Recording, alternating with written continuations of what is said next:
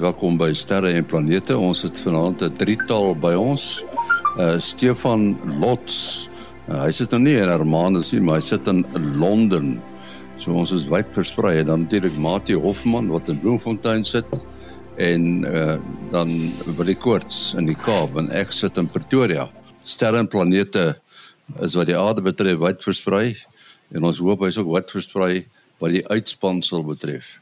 Mati die ouderdom van die heelal.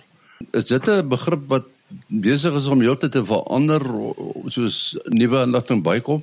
Uh nee ja, die syfer uh het verander, maar ehm um, daar's meer as een metode uh om dit te bepaal.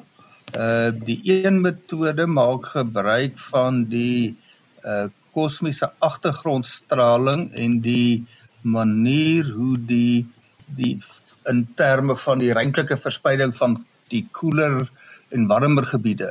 As 'n baie baie klein uh, temperatuur fluktuasie dit is eintlik 'n geweldige konstante temperatuur die straling van al die verskillende rigtings maar nie presies konstant nie. En dit is 'n sekere manier van wysiging soos wat jy nou in verskillende rigtings kyk.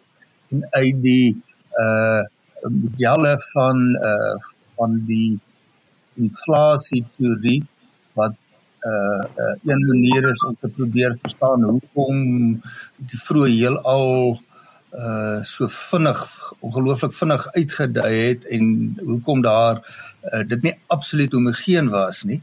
Nou dit is 'n een manier en daardie ehm uh, uh die foutgrense van daardie beramings uh, metode het al kleiner en kleiner geword. Het al sekerder en sekerder geraak van die waarde wat hulle uh bereken. Uh veral nou danksy uh die data van die van die planksending. Dit jare terug was dit die COBE en toe later WMAP en toe nou uh uh meer uh, onlangs die uh, planksending. So dit baie akkurate akkurate data. En dan is daar nou 'n uh, ander metode wat kyk na die uitdaging van die heelal en wat weer verband hou met die Hubble konstante. Edwin Hubble het reeds uh, vroeg in die 1920s ontdek dat daar 'n verband is tussen hoe ver 'n voorwerp van ons af is uh, en hoe vinnig dit wegbeweeg uh daar die meting as jy dit nou op 'n grafiek gaan teken dan kry jy 'n mooi reguit lyn waarvan die helling dan vir jou die Hubble konstante gee. Maar die Hubble konstante blyk nie presies konstant te gewees het deur die eeue nie en asof die heelal uh uh so uitdaging uh versnel het. En om 'n handle daar 'n handvatsel daarop te kry om 'n houvas daarop te kry uh is die waarneming van die tipe 1A supernovas baie belangrik want hulle kan baie baie ver gesien word.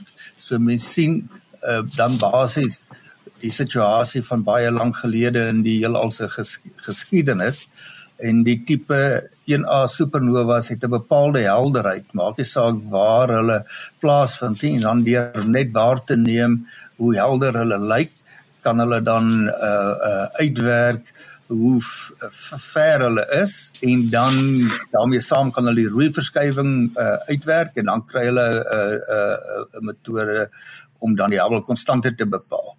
Nou hierdie twee metodes se waardes konvergeer na amper dieselfde waarde, maar die foutgrense oorvleuel die uh uh, uh oorvleuel nie meer nie. Hulle is elkeen al sekerder vir hulle waarde en die waarde waarvoor elke groep wat nou die twee verskillende metodes gebruik word uh waarna dit konvergeer is is net net nie dieselfde nie. So dis 'n nogal 'n groot uitdaging uh vir vir die sterrekunde maar in elk geval hulle uh die skatting vir altyd metodes is in die omgewing van 13.8 biljoen jaar uh wat natuurlik 'n enorme tyd is lang tyd is uh, maar die die verskil soos wat ek gesê het tussen die twee metodes daar's nie 'n genoegsame konsensus nie en dit die verskil is genoegsame rede tot kommer uh dat iewers is daar of 'n sistematiese fout in die metings en modellering wat hulle nie kon opspoor nie of daar is 'n fout in die fundamentele teorieë waar wat hulle uh uh metodes onder lê. So dit sal nog 'n hele ruk met ons wees uh hierdie dilemma. Wel ek dink die James Webb teleskoop sal seker ook verdere lig daarop werp omdat hy so ver kan uh kan uh, kan sien uh in die infrarooi na die, die sterrestelsels daar seker 10 biljoen plus ligjare ver.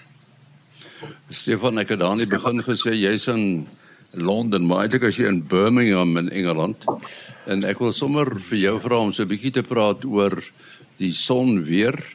En en dan is daar 'n interessante indigting wat te doen het met die sonwind wat skynbaar water op die oppervlak van die maan meebring. Uh sê 'n bietjie daaroor gesels. Ons kan so maak. Ja, ek sit hier so effens effens by te Birmingham in Burton. Die in terme van die die ruimte weer uh, was die son nogal baie aktief die afgelope paar weke. Daar's 'n klomp sterk uh, M-klas sonvakkels gewees en nou 'n paar massa uitbarstings en en dan die gepaardsaamde uh, gepaardgaande storms. Die sonvlektelling as ons nou 'n bietjie uit uitzoom um, en kyk na die son siklus is die die sonvlektelling nou die hoogste wat uit die afgelope 8 jaar was. So ehm um, die afname van die vorige son siklus nou binne in die die toename wat nou die huidige siklus vorm ehm um, was die sonvlektelling laas so hoog soos hy nou was in Desember van 2014. So uh en aangesien ons nou nog 'n jaar wat van die uh, toppunt van hy 11 jaar piek is, lyk dit weer eens en ons het dit nou voorheen gesê dat of dit hierdie 'n uh, baie aktiewe sonsiklus gaan wees. So al die al die metings dui dui nog steeds daarop. Dit's interessant dat ons by wat was dit nou die 26ste Desember gesien het is 'n sogenaamde Forbush decrease. So Forbush afname in die deeltjietelling van van die neutrone wat ons op die op die oppervlak van die aarde sien of in die in die atmosfeer sien. So die as ek so vinnig die, die meganika kan verduidelik is dat die ehm um, massa uitbarstings van die son ehm um, vier eintlik kosmiese straling weg wat deur uh ander uh, naby wat in van naby geleë galaksies afkomstig is uh en hierdie ons nou hierdie wêreldwye netwerk van neutrontellers eintlik op die grond en uh die neutrone word dan veroorsaak deur deeltjies wat in die uh ander deel die die kosmiese strale wat in die deeltjies in die atmosfeer bots dit veroorsaak die neutrone en die neutrone is wat ons meet. Lang storie kort, ons uh kan nou sien dat hierdie neutrontellings die laagste is wat dit uh, wat dit die afgelope 6 jaar is. Lae neutrontelling beteken nou weer eens hoë sonaktiwiteit. So uh, weer eens dit alles wys na die na dieselfde rig in dieselfde rigting dat ons 'n lekker aktiwiteit in die son sien en en dit gee ons nou ook 'n lekker ander blik op wat in die ruimte aangaan. Die uitkyk vir die volgende maand ja, dit lyk of daar nou ook maar weer 'n paar matige storms op pad is. Ehm um, daar's tans 'n paar lekker you know, te komplekse sonvlek areas op die son aktiewe areas op die son. Ehm um, maar nee, om om nou om lang lang voorspellings lang lang vooruit voorspellings te doen is nie so eenvoudig nie, maar dit lyk of daar of ons weer 'n bietjie lekker aktiwiteit sal sien vir die volgende paar weke. Uh tans is dit matig aktief met 'n effense vinniger as gemiddeld sonwind en die ehm um, plaaslike hoë frekwensie radio uh toestande is effens hoër as uh effens meer versteurd as die as die maandelikse gemiddeldes of die maandelikse uh, voorspellings. Maar nou ja, ons ons werk daar. Die storie met die sonwind en dan ook water op die maan is 'n interessante brokkie wat uit die uh Chinese se se stal uitkom. Um die Chang'e 5 lunar orbiter het in Junie of Julie verlede jaar uh, water waargeneem op die op die maan. So deel van hulle van die grondmonsters wat hulle geneem het, het toe nog gewys dat daar 'n klein bietjie water is.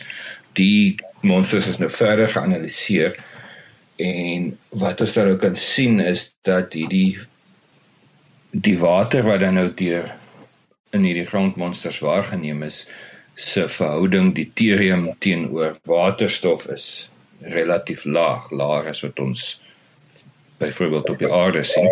Nou die deuterium is 'n is 'n waterstof met 'n ekstra neutron, met ander woorde is effens swaarder.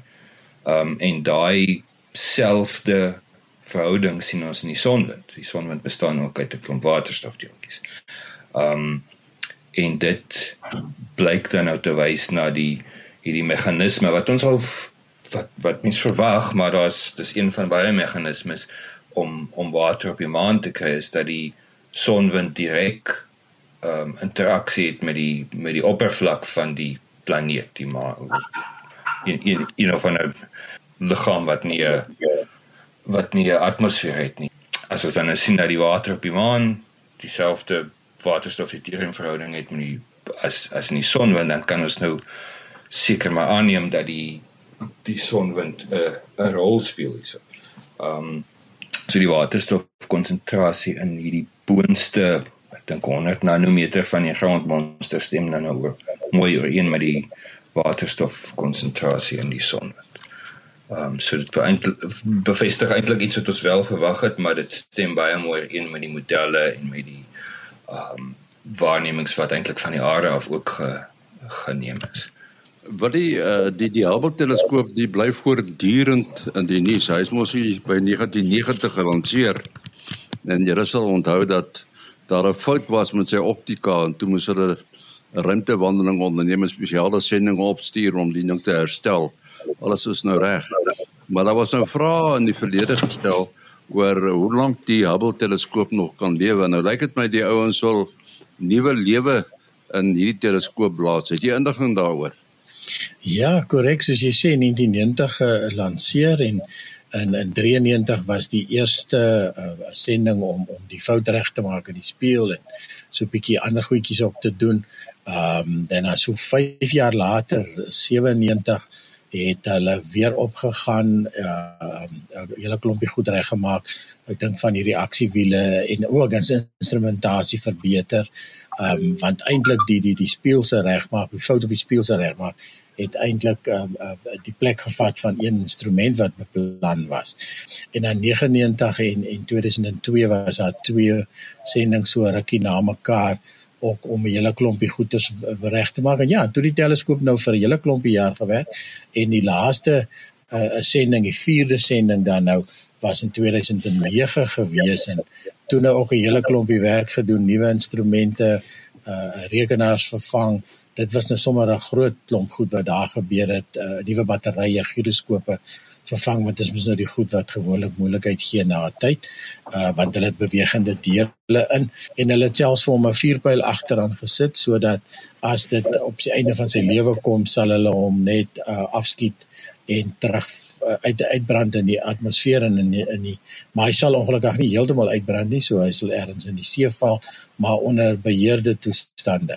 So as ek so tussen die lyne lees lyk dit vir my die die die teleskoop hou nou weer te lank soos jou ma gesê het met jou speelgoed na Kersfees wat jy wat jy so stukkend wil speel. So ehm um, daar is nou 'n moontlikheid om om te kyk om die teleskoop se lewe verder te verleng. Ehm um, want uh, soos jy sê baie uh, so weet ons het so 'n paar uh, rekenaar probleme gehad so rukkie terug, maar verder doen die teleskoop ten spyte van James Webb wat nou die die die die die kalklig steel uh doen doen uh, Hubble nog steeds baie baie goeie werk.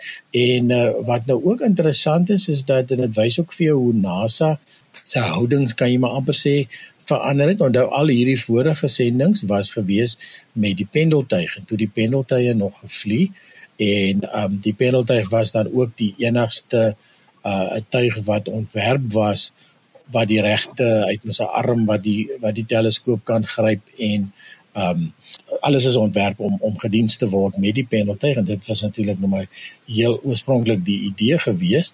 Nou die pendeltuie het ons nou nie meer met ons nie. So as jy nou die teleskoop wil gaan diens, uh moet jy 'n ander plan maak. En en uh um, NASA kan natuurlik uh, in hulle self kyk, maar hulle het nie op die stadium enigiets wat hulle beplan het daarvoor nie en, en dit sal uit die aard van die saak hele ruk vat om te ontwikkel. En en SpaceX wat nou amper sê die die die terrein oorgeneem het deesdae van die ruimte uh is genader en hulle kyk na 'n uh, reken as hulle so 6 maande kans gegee word sal hulle kan kyk om moontlik te iets te ontwerp om die teleskoop te kan veilig gryp uh want dit sal natuurlik nou die die grootste uh um die mees belangrike uh, deel wees dat jy nie die teleskoop beskadig in die in die in die proses om om hom te laat dok soos ons sê te laat aansluit by by een of ander tipe vuurpyl nie. Nou ja, wat hierdie natuurlik uh, eenvoudiger maak as die pendeltuig is dat al wat hulle nou moet doen, die die die teleskoop is net so oor die 500 km bo kan die aarde in 'n wentelbaan en die maar die wentelbaan is natuurlik besig om om laer en laer te raak soos dit maar met enige iets uh, gebeur wat in lae aardbaan is, daar is maar effens moet nou maar atmosfeer teen teenwoordig verloor spoed en die baan begin nou af te begin nou af te kom en ehm um, so al wat hulle op hierdie stadium net wil doen is om die vuurpyl net weer 'n bietjie te boost soos hulle sê net in 'n hoër baan te plaas. So uh, ja, so daar's nou 'n uh, uh, moet nou maar studie aan die gang uh om te kyk wat uh, is is dit dalk moontlik vir 'n vir vir 'n tipe Dragon uh 'n SpaceX vuurpyl uh, of kapsule dan nou wat wat opgaan en ons weet Dragons is hulle mos nou al gebruik in twee variante die een uh altyd na die internasionale uh, ruimtestasie toe om uh, om vrag te vat en dan nou ook personeel die laaste tye. So uh um, ja, so hulle as jy kyk nou daar kan hulle die Dragon aanpas met die nodige apparaat om dan die vuurpyl te vat, eh te gryp en na 'n hoër baan toe te vat en weer te los. Ehm um, ja, so dit is interessant hoe dat NASA uh eh, dis daar selfs begin steun op privaat maatskappye wat uh, 10 jaar of so gelede sou hulle glad nie eers daaraan gedink het nie. So dit is interessant hoe die hoe die hele hoe die hele stelsel besig is om te verander. Hmm. Ja, dit is dan net verstommend hoe die uh, private ruimte-industrie die laaste 5 plus jaar ontwikkel het. So as as mens nou dink aan die ruimteagentskappe, dan dan is bedryf hulle projekte wat oor 'n baie baie front en baie groot projekte. Maar die die spoed waarmee SpaceX en ook uh, in 'n mindere mate van die uh, ander privaat ruimte uh, industrie iets kan doen is net verstommend.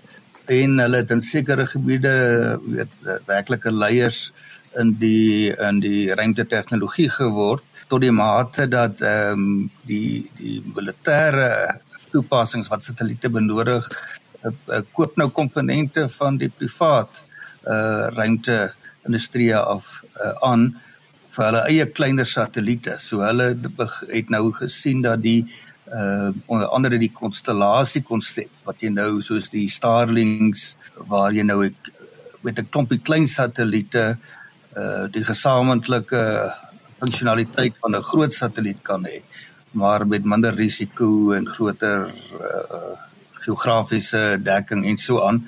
Uh nou hulle omdat dit nou 'n sukses is, kyk dink hulle nou ook in daai rigting en nou hoef al die tegnologie nie uh deur die uh, ag ruimteagentskappe of die militêre mense ontwikkel te word hê want die private ouens het dit gedoen. Hoorie, uh, wil jy net so vinnig, ek sien daar's 'n groen komeet op pad. Nou is alle komete groen of uh, hoekom is hier so besonder? Uh ja, die kleur uh, is nogal algemeen, dit lyk nogal of of groen groen uh, vir al die laaste klompie komete wat ons gesien het, nê, nee, is is is is het almal hierdie groen kleur en ek ek is presies seker mee wat se gas maar dit is gewoonlik 'n sekere gas wat dan wat dan afkook en en dit ehm um, en dit gee vir ons die die die groen kleur. Ja, dis nog al 'n satelliet in 2000 2022 ja, verlede jaar nou. Uh 2022 ontdek is uh vroeg in die jaar in Maart en ehm um, en en uh, maar dis een van hierdie lang periode satelliete so hulle skat hy gaan hy gaan uh uh um, 'n omgewing van 50000 jaar vat om weer hier verby te kom soos met met baie van die langperiode satelliete. Ehm um, op die stadium hy sê naaste aan die son in ja, einde Januarie en die naaste aan die aarde in begin Februarie. En dit lyk op die stadium of die uh die helderste of of van die noordelike halfrond uh eers gaan sigbaar wees in die in die oggende en dan vir ons uh in in vroeg Februarie in die aande. Um op die stadium lyk dit asof die helderheid dalk gaan um ten minste met 'n verkyker uh, uh, sigbaar gaan wees en dalk dalk dalk net met die blote oog. Maar uh, op die stadium lyk dit daarom nie of dit een van hierdie helder helder uh, komete gaan wees nie, maar ons sal aard van die saak uh, um, op hoogte hou wat soos wat dit soos wat dit ontwikkel. Hmm. Net om terug te kom na die groen kleur, ehm um, die die lig, die kleur van die lig hou natuurlik verband met die uh, chemiese samestelling, weet watter molekules is daar. Nou verseker is daar baie koolstof verbindings in al die hemelvoorwerpe en waterstof en stikstof met al daardie volop elemente in die heelal. Uh maar die groen kleur hou veral verband met koolstof wat CN molekules met ander woorde koolstof en stikstof. Uh kan nou nie my chemies so goed onthou nie, dalk koolstof nitriet uh en dan ook C2 molekules. Koolstof atome kom dikwels maar alleen of in vaste stowwe in eh uh, verbindings soos grafiet of diamant voor. Eh uh, maar dit kan ook in die ruimte in twee twee saam wees soos eh uh, so suurstof, suurstof verkies eh uh, om uh, as 'n uh, diatomiese molekuul te bestaan.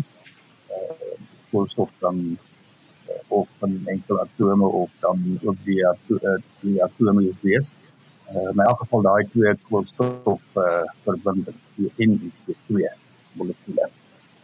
En net vir die rekord die uh, komeet se naam is komeet komeet 22 2022 E3 en dan ZTF. Uh so dis nie is nie 'n uh, naam wat uh, wat die mens so maklik sal onthou nie ZTF. Ja, dis is nie hulle en sulke goed nie. Nee, nee. Ons moet afsluit. Wil jy jou besonderhede? Ja, mense kan bel WhatsApp of SMS, verkieslik WhatsApp 072 45 79208. 072 45 79208. En ons Stefan? Ehm um, mense kan my e-pos by slots@sansa.org.za, s l o t z by sansa.org.za. En dan Mati. 083 625 7154. 0836257154. En dan die program se e-posadres sterreplanete@gmail.com. sterreplanete@gmail.com. Volgende week is ons terug. Tot dan. Alles van die beste.